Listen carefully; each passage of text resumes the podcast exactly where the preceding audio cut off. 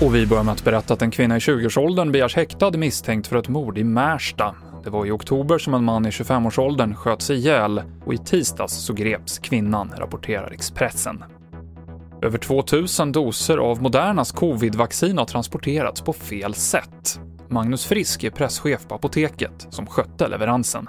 De här vaccinerna ska ju transporteras ett visst antal minusgrader och i de här transporterna har det varit för kallt tyvärr och det, det, är djupt olyckligt att det har blivit så.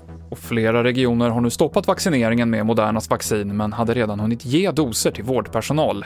Det är oklart om vaccinet ändå har effekt.